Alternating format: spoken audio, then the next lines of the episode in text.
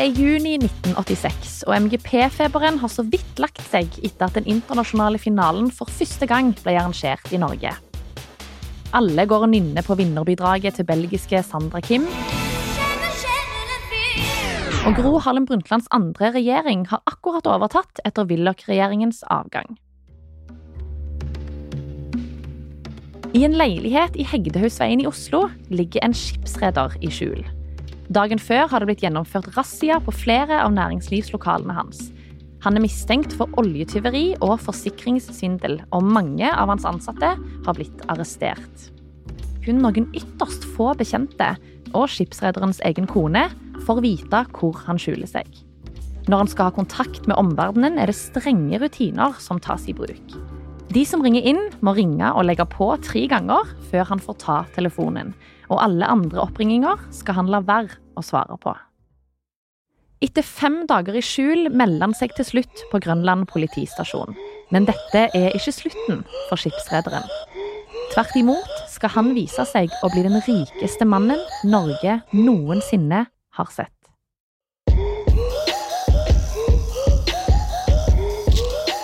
Du hører på Stinn av Gryn, en podkast hvor vi skal dykke dypere inn i hvem de er, disse rikeste av de rike. Mennesker som enten vi liker det eller ei, har innflytelse og makt i dette lille, men rike landet Norge. Faktisk finnes det over 400 norske milliardærer.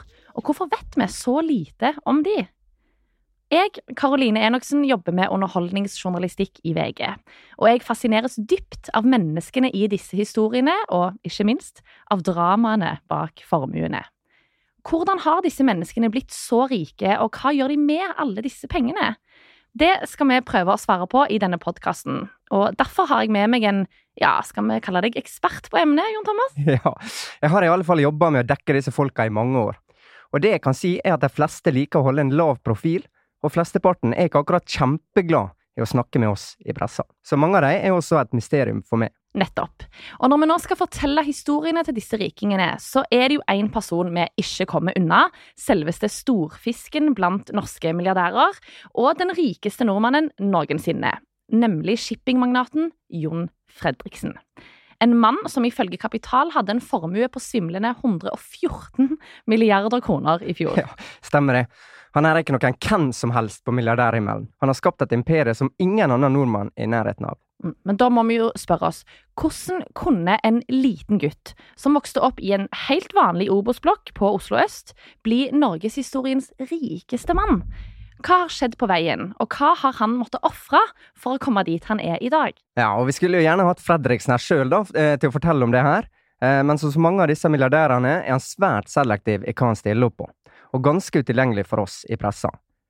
Men for å prøve å svare på spørsmåla dine, Karo, så må vi tilbake til begynnelsen. Lille-Jon kommer nemlig til verden under andre verdenskrig, 11. mai 1944, og han tilbringer sine første leveår i et jordbruksområde på Eidsvoll. Ja, så det er altså et ganske dystert bakteppe for Jon Fredriksens ankomst til verden. Jeg har nemlig gravd litt i norsk krigshistorie og funnet ut at den 11. mai 1944, altså samme dag som Fredriksen ble født, så blir ti nordmenn henretta i Trandumskogen en knapp halvtime under Eidsvoll. Oi. Ja, men vi vet jo hvordan historien går videre. I løpet av Fredriksens første leveår så skjer det jo heldigvis ting som gjør at framtida ser litt lysere ut. Mm. Høsten etterpå blir Øst-Finnmark frigjort fra tysk okkupasjon, og noen få dager før ettårsdagen til Fredriksen kommer endelig den historiske frigjøringsdagen 8. mai 1945. Yes. Så selv om Jon Fredriksen ble født inn i et Norgekrig, så er det altså etterkrigstidas eh, ja, optimisme som skal prege oppveksten hans. Ja, og dette er tid prega av sterk vekst på nesten alle områder av samfunnslivet og bosettingsmønsteret endrer seg ved at mange flytter fra landsbygda til byer, og kanskje er det også dette som er grunnen til at familien Fredriksen flytta fra Eidsvoll til Grünerløkka i Oslo på slutten av 40-tallet. Ja, men selv om det er mye optimisme i det norske samfunnet på den tida her, så er det ganske mange som lever under vanskelige forhold. Det var ikke mye som skreik velstand på Grünerløkka på slutten av 1940-tallet. Eh, det var noe helt annet enn eh, liksom, sentrum for freshe restauranter og nisjebutikker og ja, folk gikk ikke i brukte klær da fordi det var hipt. Nei. Nei. Grünerløkka og resten av Oslo øst var arbeiderklasseområder. Rett og slett. Og foreldra til Jon Fredriksen hadde typisk arbeiderklasseyrke. Faren var sveiser, og mora jobba i ei kantine. og etter hvert flytta de ut til drabantbyene, som var i full fremvekst i etterkrigstida. Den lille familien flytta inn i ei Obos-blokk på Etterstad, og Fredriksen begynner på Vålerenga skole. Men altså, hvordan kom en vanlig østkantgutt inn på sporet om å bli skipsmegler? Ja, det er et godt spørsmål. I tida etter krigen blir det gjort store investeringer i skipsfart, og fra 1945 til 1965 bidro den faktisk med to tredjedel av de nye arbeidsplassene som ble skapt. Og kanskje det var det som satte Jon Fredriksen på tanken? I 1961 så får han i alle fall sin første jobb, som en slags trainee i et uh, skipsmeglerfirma, uh, og i tillegg så tar han handelsgym på kveldstid. Ja, nettopp. Det er all work and no play for vår uh, hovedkarakter. Men før vi går videre. Ja. skipsreder det er jo et yrke som jeg forbinder med penger. Mm. Det er på en måte litt sånn, Hvis jeg skulle skrevet en bok om en fiktiv riking, ja. så hadde jeg nok skrevet at han var skipsmegler. Men jeg vet egentlig ikke helt liksom, hva de gjør. Ok, En skipsreder det er en som eier og driver skip. Og shipping er kort og godt frakt av varer fra én plass til en annen. Og dette er en bransje med ekstremt store svingninger, med høye topper og dype bunner. Og årsaken til det her er at balansen mellom tilbud, altså antall skip, og etterspørsel hele tida varierer. Når det er gode tider, så vil alle ha ei bit av kaka, og da bygges det ofte ganske mange skip. Men når det kommer flere skip ut i markedet enn det finnes last, da raser fraktprisene. Og dette her er symptomatisk for shippingbransjen, og grunnen til at man som forretningsmann, eller kvinne her, mm -hmm. eh, risikerer å tape stort, eller bli stinn av grin. Ok. Ja, da, jeg skjønner. Men tilbake til historien om vår hovedperson, Jon Fredriksen. For hva blir på en måte vendepunktet hans? Veien er jo ennå ganske lang mm. fra å jobbe som bud i et skipsmeglerfirma til å faktisk lykkes som megler. Ja, og han imponerer kollegaer allerede fra start, eh, og et slags vendepunkt da kommer i 1965. For da får han nemlig tilbud om en jobb som skipsmegler. Men det innebærer at han må flytte til Canada. Oh, men det er jo en ganske stor mulighet. Ja. ja verden åpner seg for unge herr Fredriksen. ja, ok, Men så hva gjør han? Griper han muligheten? Flytter han til Canada? Det gjør han. Eh, men det tar ikke lang tid før han føler på hjemlengsel. Eh, I alle fall ifølge biografien Storulv, som er oppkalt etter kallenavnet mange bruker på han. Boka er en av de få kildene vi har til Fredriksens tidlige karriere, og forfatterne, som heter Odd Harald Hauge og Gunnar Stavrum, har begge vært næringslivsjournalister og redaktører i en liten mannsalder nå, og de sa at de intervjua rundt 200 personer i arbeidet med boka. Eh, Fredriksen han skal ikke sjøl ha ønska at boka ble gitt ut, og, og, derfor er det en såkalt uautorisert biografi. da. Uh, ifølge forfatterne så hadde de et møte med Fredriksen på Aker Brygge i forkant av eh, publisering, og den skal han ha tilbudt ganske mange millioner for at boka ikke ble publisert. Ja, her må vi jo bare understreke at vi har ikke fått verifisert med Fredriksen om det stemmer at han forsøkte å stanse boka på denne måten, for Fredriksen har jo ikke villet stille til intervju i denne podkasten. Men da boka ble utgitt, så sa en av Fredriksens businesspartnere til Dagbladet at hovedpersonen sjøl ikke var imponert over boka, eh, som han kalte fiksjon, og at Fredriksen ifølge han var sitat, like interessert i denne boka som i en bunke med gamle finske aviser. Uansett, Uh, han reiser tilbake til Norge uh, etter det som blir et kort opphold i Canada. Men så får han enda et tilbud om jobb i utlandet, og denne gangen i The Big Apple, selveste New York City. Altså, kan du se det for deg? Jon Fredriksen som bare liksom trasker rundt i gatene i New York på midten av 60-tallet.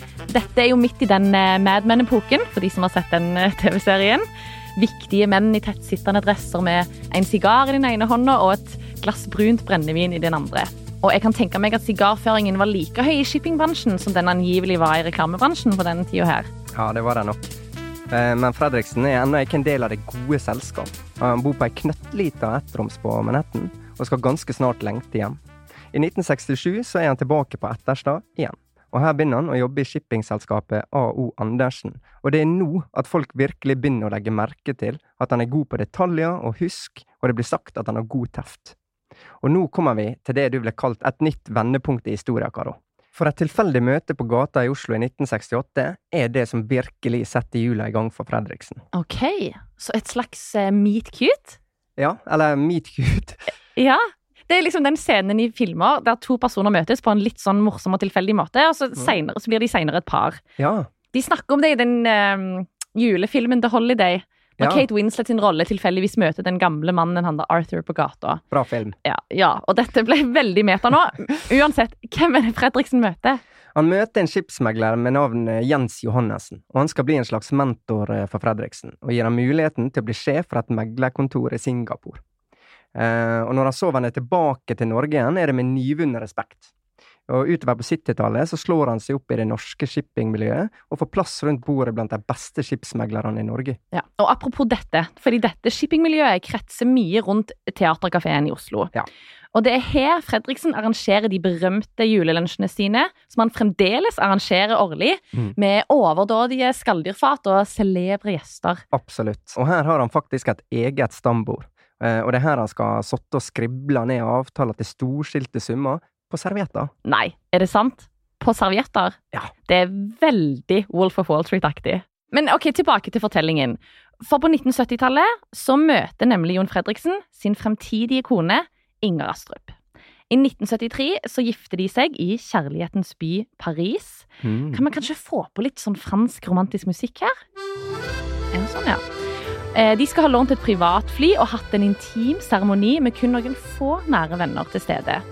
Og så ble det etterpå arrangert en bryllupsfest i Aten. Det forteller i hvert fall Inger til et intervju med VG i 2004. Ganske high end romance, det, eller? Ja da. Eh, men tilbake til business, Karo. Fredriksen har nå vist seg å være en god megler som tjener store penger for oppdragsgiverne sine. Og ifølge denne Storulv-boka så vokser det frem en misunnelse hos Jon Fredriksen av å se alle disse rike folka bli enda rikere fordi han er så god på det han, eh, på det han gjør. Eh, Og faktisk så går boka så langt som å kalle det en slags besettelse. Oi, ja. Litt menneskelig drama. Ja. Ja, men Det pirrer jo selvfølgelig en eh, dramaturg som meg. Og det begynner å bli tydelig for meg at vi har å gjøre med en ganske ja, sammensatt protagonist. Protagonist Ja, altså en hovedperson. En som driver fortellingen videre. skal dit, ja. I, ja, og i dette tilfellet Jon Fredriksen. Men han har jo vokst opp med å se på rikdom utenifra, helt fra han vokste opp på Oslos østkant. Eh, Så da lurer jeg på, kanskje det kan ha vært noe av drivkraften hans? Ja, spennende psykologisk analyse det, Karo. Uh, uansett hvor han henter drivkrafta si, så har han en enorm drive. Og i 1975 så er Fredriksen 30 år, og han starter meglerfirmaet Northern Shipping. Han leier ut skip til Øst-Tyskland, hvor han for første gang tjener store penger til ei egen lommebok. Det er anslått at kontrakten har vært rundt 50 millioner i året. Ifølge Storulv eh, så kan Jon Fredriksen skilte med en formue på hele 500 millioner kroner i 1980. Herregud, det er så sykt mye penger. Men frem til nå har jo Fredriksen vært en ganske anonym skikkelse. Altså sånn utenfor shippingmiljøet rundt Teaterkafeen, selvfølgelig. Eh, Men med en sånn formue så må vel folk flest òg ha begynt å legge merke til han og liksom vite hvem han er. Nei, faktisk så fortsetter han å holde en ganske lav profil i norsk offentlighet. Noe av grunnen er nok at han i 1979 flytta til London, eh, og på dette tidspunktet eh, så blir han fullblods skipsreder. Mhm. Tidligere så hadde han tjent fett på å leie en skip, og så leie dem videre ut igjen til en høyere pris. Og han tjente også mye på å kjøpe og selge skip raskt. Men utover 80-tallet så begynner han å eie dem. Og det er ikke bare i ett selskap alt sammen befinner seg. Storulv-boka beskriver en fryktelig komplisert selskapsstruktur, der ikke engang ansatte hos han Fredriksen hadde full oversikt. Opp gjennom åra har han hatt selskap i Storbritannia, Norge, Bermuda, Kypros, Panama, Malta, Liberia og Jersey. Han får andre til å etablere nye selskap, andre til å sitte i styret, og han eier aksjer via andre selskap. Ingen dum plan det når man ønsker å holde en lav profil. Og hvis man ønsker å betale litt mindre skatt, eller? Nei, skatt er jo viktig i en global bransje som eh, shipping, eh, men nå skal ikke vi spekulere her, Karo. Nei, ja ok. Eh, Men uansett, i 1980 så skjer det noe han skal tjene masse penger på. Da bryter det nemlig ut krig mellom Irak og Iran. Og for å finansiere våpen og andre krigsting, så er oljelandet Iran nødt til å få inntekter. De selger olje som fraktes med store tankskip ut av Iran, og her øyner Fredriksen en mulighet til profitt. Han begynner å frakte olje for Iran. Og etter hvert som åra går, så eskalerer krigen ytterligere, og også skip som er utafor den definerte krigssona blir bomba. Og dette innebærer en stor risiko for mannskapet på skipa. Eh, VG skriver i mai i 1996 at skipene hadde blitt bomba seks ganger. Totalt så ble Fredriksen sine skip bomba ni ganger på denne ruta, og to personer mista livet, ifølge Storulv. Det er ganske mørke greier. Ja, det er det, altså. Men han tjente godt på å drive shipping i denne regionen her, og på midten av 80-tallet omsatte han for over en milliard, mens den personlige formuen hans nå har steget til 600 millioner, ifølge VG. Ja, det er så mye, det. Men ok, det er ikke bare dette som skjer på midten av 80-tallet. For i 1983, ti år etter det romantiske bryllupet i Paris, Ja. så får Fredriksen og kona Inger tvillingdøtrene Cecilie og Katrine. Og vi kan jo trygt si at de blir født inn i en litt annerledes økonomisk virkelighet. Ja, de vokser definitivt opp i et annet type hjem enn eh, pappaen. Eh, Men få år etter at tvillingene kom til verden, skjer det noe dramatisk. Nå tror jeg jeg vet hvor du vil. Ja. For en januardag i 1986 kan man lese overskrifta 'Størst i krigssona' i avisa Økonomisk Rapport. Og resten av Medie-Norge kjører også ut versjoner av denne saken via NTB. Og da kaster jo resten seg på, eh, og det kommer mange saker om Fredriksen. Og media beskriver en litt sånn mystisk reder med et uskarpt svart-hvitt-foto av Fredriksen. VG blant annet omtaler han som en kyniker som tjener fett på krigstrafikk med underbetalt filippinsk og polsk mannskap. Eh, og så skal ikke det gå lang tid før han virkelig kommer på alle sine lepper. Tidlig om morgenen den 5. juni 1986 gjennomfører Oslo-politiet en razzia i Jon Fredriksen sine lokaler. Han er mistenkt for oljetyveri og forsikringssvindel, og flere av de ansatte blir arrestert og avhørt. Jon Fredriksen sjøl søker tilflukt i ei leilighet i Hegdehaugsveien på Majorstua i Oslo. Dagen etter er han på forsida til VG med tittelen Politiradzia i rederi. Ja, og dette er jo helt Al Capone mafiafilmopplegg. Jeg, jeg kan se for meg sånn at han rømmer ut gjennom bakdører og ned i garasjer, og så smugles han til slutt opp inn i denne leiligheten, som jo faktisk ligger i en av Oslos travleste handlegater. Ja, det er ganske vilt. Og det stopper ikke her med nesten filmaktige scener. Fredriksen blir ettersøkt av politiet, men gjemmer seg i leiligheten i Hegdehaugsveien i flere dager, og bare de aller nærmeste vet hvor han er. Så for å kommunisere med omverdenen må de snakke i koder og ringe fra telefonkiosk. Herregud, for et opplegg. Og så fabrikkerer han vel òg et brev til politiet, som liksom skal være sendt fra utlandet. Stemmer ikke det? Ja, dette her er voksent. Jeg har faktisk teksten fra brevet han skrev til politiet her. Vil du, vil du vite hva han skriver? Ja, selvfølgelig. Ok, jeg må trekke pusten dypt, for uh, jeg skriver veldig lange setninger her. Jeg har med forskrekkelse og gru gjennom dagspressen blitt kjent med hvorledes jeg har blitt uthengt som blant annet krigsprofitør og bedrager i artikler som åpenbart er basert på detaljerte opplysninger fra den pågående etterforskning mot ansatte i Marine Management AS. Videre skriver han blant annet at han ikke har meldt seg for politiet av den internasjonale oppmerksomheten det vil medføre, før han avslutter brevet på denne måten her. Under forutsetning av at jeg kan forklare meg med min advokat til stede, og uten at jeg blir underkastet fengsling, slik at jeg beholder min frihet til å drive min lovlige forretningsvirksomhet, og uten at media gis kjennskap til forklaringene, er jeg imidlertid fullt ut villig til å avgi forklaring for retten i Oslo. Om de ikke finner å kunne godta dette, er jeg kun villig til å forklare meg i utlandet. Vennlig hilsen Jon Fredriksen. Og hvem sender han dette brevet til? Det fakses fra Oslo til Kypros og tilbake til Oslo. Og det er et såkalt åpent brev til kriminalsjefen, som også pressen får tilgang til. VG hadde for eksempel det håndskrevne brevet gjengitt i avisa før kriminalsjefen sa han hadde fått det. Og det er flere aviser som skriver at brevet skal være sendt fra Kypros. Og på denne måten kan det virke som at han prøver å lure politiet til å tro at han har kommet seg til utlandet, men de biter ikke på. De fant nemlig passet under razziaen. Og kriminalsjefen sier til pressa at Fredriksen ikke får noen forsikringer, og at det på ingen måte er aktuelt å møte han i utlandet. Etter at Fredriksen har funnet en passende forsvarer, så tropper han opp på Grønland politistasjon torsdag 12. juni og melder seg for politiet. Han blir sikta for grove oljetyveri og forsikringssvindel. Men, og dette, dette får hele Norge med seg, ikke sant? Ja, dette var jo et kjempestor sak i norsk media, og selvfølgelig en prestisjesak for påtalemyndighetene, som brukte mye ressurser på saken.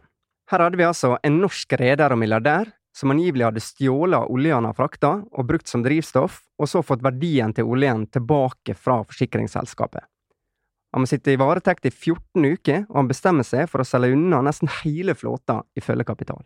For et enormt fall dette er Mm. for han. Vet vi noe om hvordan han har det mens han sitter inne? Ja, han, eh, han har jo sjøl beskrevet denne perioden som ei svært tung tid. Og vi kan jo bare tenke oss uh, sjøl hvordan det er å sitte helt alene i et lite rom eh, 20 timer i døgnet i 14 uker i strekk. Eh, men han skal eh, ha hatt sine teknikker for å få tida til å gå. Eh, og ifølge Storulv skal han blant annet ha lært seg å strikke. Det hadde ikke du trodd. Nei, det var ikke helt det, det første jeg hadde gått til, liksom.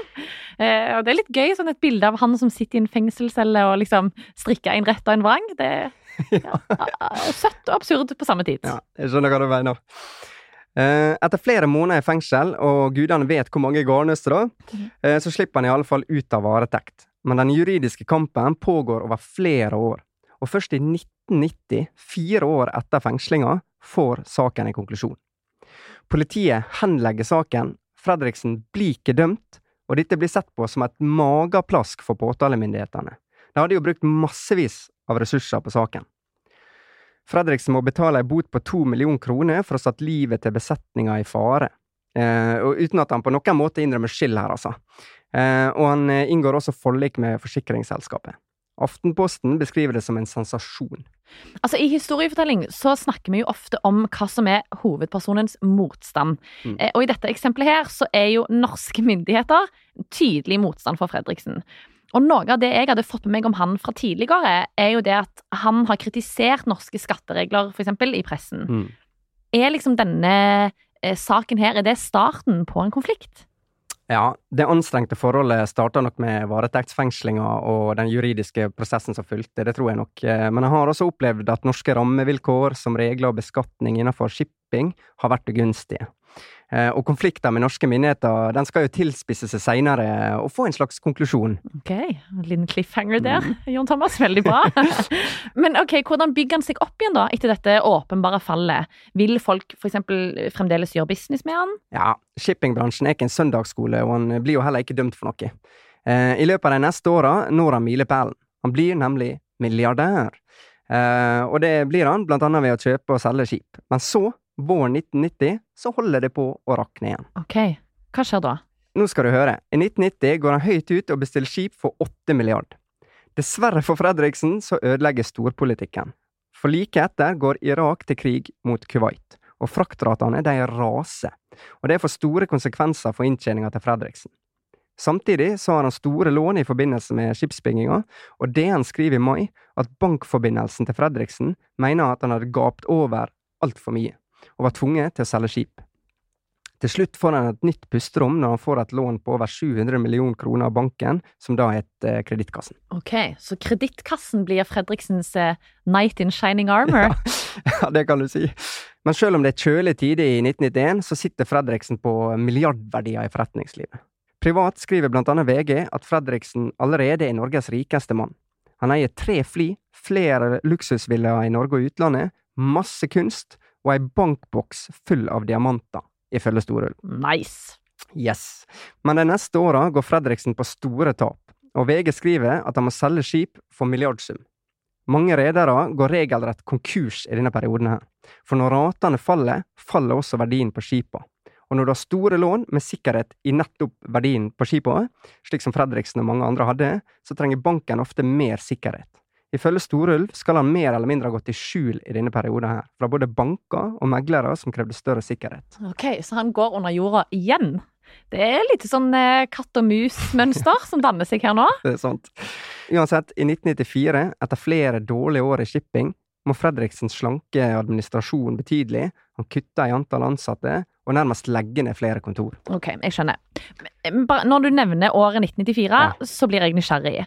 Eh, fordi her i Norge er det jo spesielt to ting man husker fra dette året. Det er OL på Lillehammer og EU-debatten som delte Norge i to. Og sistnevnte her vet jeg fra diverse medieoppslag at Fredriksen òg var veldig opptatt av. Stemmer ikke det? Det stemmer på en prikk, da. Men når han skal avgi EU-stemmen sin på rådhuset i Oslo, blir han bortvist fordi han har vært utenlands for lenge. Som vi vet, så stemmer Norge mot et EU-medlemskap, og dette blir dråpen som får begeret til å renne over. Han bestemmer seg for at han ikke lenger vil drive virksomhet i Norge. Ja. Så striden med norske myndigheter fortsetter. Ja. Var det denne cliffhangeren du lot henge i sted? Er det, er det dette som er det endelige punktumet mellom Fredriksen og Norge? Å nei, han har ikke slått opp eh, med å si det ennå. Han bor sammen med kona og tvillingdøtrene i en diger luksusvilla på Bygdøy i Oslo. Og ikke minst, i 1995 inngår han et viktig samarbeid med en ung norsk finansmann. Og dette skal vise seg å bli et av norsk næringsliv sine mest fruktbare samarbeid gjennom tidene. Ok, så den til nå litt ensomme ulven Jon Fredriksen finner seg en liten makker? Det er jo veldig koselig. Ja. Men hvem er det? Nei, nå er det jo sånn at han har hatt mange makkere opp gjennom åra, men det er kanskje en makker med stor M. Hvis jeg sier Tor Olav Trøim, sier det noe? Det sier meg veldig lite. Ok. Men hvis du sier at han er mann til Selina Middelfart, da, så har du kanskje et bilde av han? Ja, da snakker vi litt mer, ja. Eh, ok, så Selinas mann blir Fredriksens nye businesspartner. Yes. Eller Selinas mann to be, da. Eh, og det er med Trøim eh, som våpendrager at Fredriksen går fra å være milliardær til å bli selveste kongen på den norske milliardærhimmelen. Samtidig begynner det å lysne i tankmarkedet igjen. Ratene stiger, og det samme gjør verdien på skipa. Like etter følger den første store offensiven til Team Fredriksen Trøy. Da sluker de det svenske tankrederiet Frontline, i tillegg til flere andre rederi, og de skaper en gigant innenfor oljefrakt. Mm -hmm. Men denne økende statusen, og for så vidt rikdommen til Fredriksen, den viser seg jo å ha sin pris. Eh, fordi på slutten av 90-tallet så skjer det noe dramatisk i privatlivet til Fredriksen. Og dette er jo tatt som ut av et filmplott, fordi hva er det som skjer? Jo, en dag i 1998, når tvillingdøtrene Cecilie og Katrine er i tenåra, får Fredriksens kone Inger ei skremmende oppringning. Stemmen i den andre enden snakker med østeuropeisk aksent, og kommer med relativt nøyaktige beskrivelser av hvor Inger og døtrene har vært, hva de har på seg, og de truer med å kidnappe døtrene. Ikke sant? Som jeg sa, rett ut av en film som kunne hatt Liam Neeson i hovedrollen. og sånne historier som dette får meg jo til å tenke at det kanskje har sine grunner til at mange av de rikeste holder en så lav profil, og at vi vet så lite om de. Ja, kanskje. Men Fredriksen-familien slipper jo heldigvis med skrekken, og utpresserne de blir tatt av politiet. Men likevel, dette må jo kanskje ha vært en liten sånn vekker for Fredriksen? Ja, absolutt. Dette blir et slags uh, veiskille. Uh, og fra og med nå blir det vakthold ved Supervillaen på Bygdøy, og døtrene blir heretter frakta rundt med privatsjåfør. Ja, nettopp. Ja, sant. Det høres jo litt ut mer sånn som jeg hadde sett for meg at disse rikingene lever livene sine. Men ok, idet vi bikker over i 2000-tallet, eh, og har begynt å innse at verden faktisk ikke skulle gå unna ved tusenårsskiftet likevel, så når Fredriksen det jeg vil si er en ganske peak i dekadent stil. Ja. ja, fordi da kjøper han et hus eller vi kan faktisk ikke kalle det for et hus, det er egentlig mer et slott, i London eh, med navn The Old Rectory. Og den eiendommen her den er 30 000 kvadratmeter stor og har to hektar med hage. Og bare for å skjønne hvor stort dette er, så er dette den tre største private hagen i London, rett bak typ Buckingham Palace. Det er så vilt. Ja, det er ganske vilt. Og bare en liten real estate-relatert fun fact til her. ja. Fordi bare tre år seinere så skal den russiske Chelsea-eieren og oligarken eh, Roman Abramovic har tilbudt Fredriksen 1,2 milliarder kroner for denne eiendommen. Mm. Og 2000-tallet blir utvilsomt det tiåret der Fredriksen etablerer seg som en stayer på formuestoppen og han går for alvor inn i flere bransjer enn shipping. I 2003 så kollapsa laksebransjen, for eksempel. Lakseprisene raser nedover, og mange selskap kommer etter hvert i gjeldstrøbbel. Her ser Fredriksen sitt snitt, og han får gradvis kontroll over flere oppdrettere som blir slått sammen til Marine Harvest, som nå heter Movi. Og dette blir verdens største lakseoppdretter. Eh, og ikke minst, fra 2003 ligger Fredriksen stabilt på førsteplass på formuestoppen i Norge. Ja, men du, apropos dette. Den cliffhangeren din om Fredriksen og Norges endelige punktum, ja. når skal du egentlig komme tilbake til den? Ja, Den skal jeg komme tilbake til nå. Veldig bra. For i 2006 når konflikter mellom Fredriksen og norske myndigheter en topp. Eh, og rederkollega Herbjørn Hansson, som kjenner Fredriksen godt, sa i et intervju med NRK at Fredriksen følte seg jaga ut av Norge. I 2006 bestemmer Fredriksen seg for å bli kypriot. I alle fall på papiret. Og dette skapte overskrifter over hele landet. La oss høre et innslag fra NRK her. Den eh, rikeste mannen her i landet, Jon Fredriksen, sier han kjenner seg jaga ut av Norge når han nå leverer fra seg sitt norske pass. Han blir nå kypriotisk statsborger. Ikke sant. Er det vanskeligere å være rik her enn andre steder, eller hva? Han har faktisk uttalt at han ikke har råd til å være i Norge, eh, og det koster i hvert fall mer å være rik i Norge enn i mange andre land. Eh, og det har jo med å gjøre at vi her i Norge mener at de rikeste bør gi mer til fellesskapet enn vanlige folk som, som du og meg. Ikke sant. Så han flytter pengene til et skatteparadis, og Norge får aldri se snurten av Fredriksens skattekroner igjen, eller? Ja, altså, Det er jo rimelig store skatteinntekter norske myndigheter potensielt går glipp av. Eh, men det er en sannhet med modifikasjoner at han ikke betaler noe skatt eh, til Norge. Eh, laksegigantene er fortsatt her, eh, selv om han har trua med å flagge ut den òg. Eh, og han har brukt norske underleverandører. Eh, så det drisser jo litt på oss her hjemme også. Jeg skjønner. Men 2006.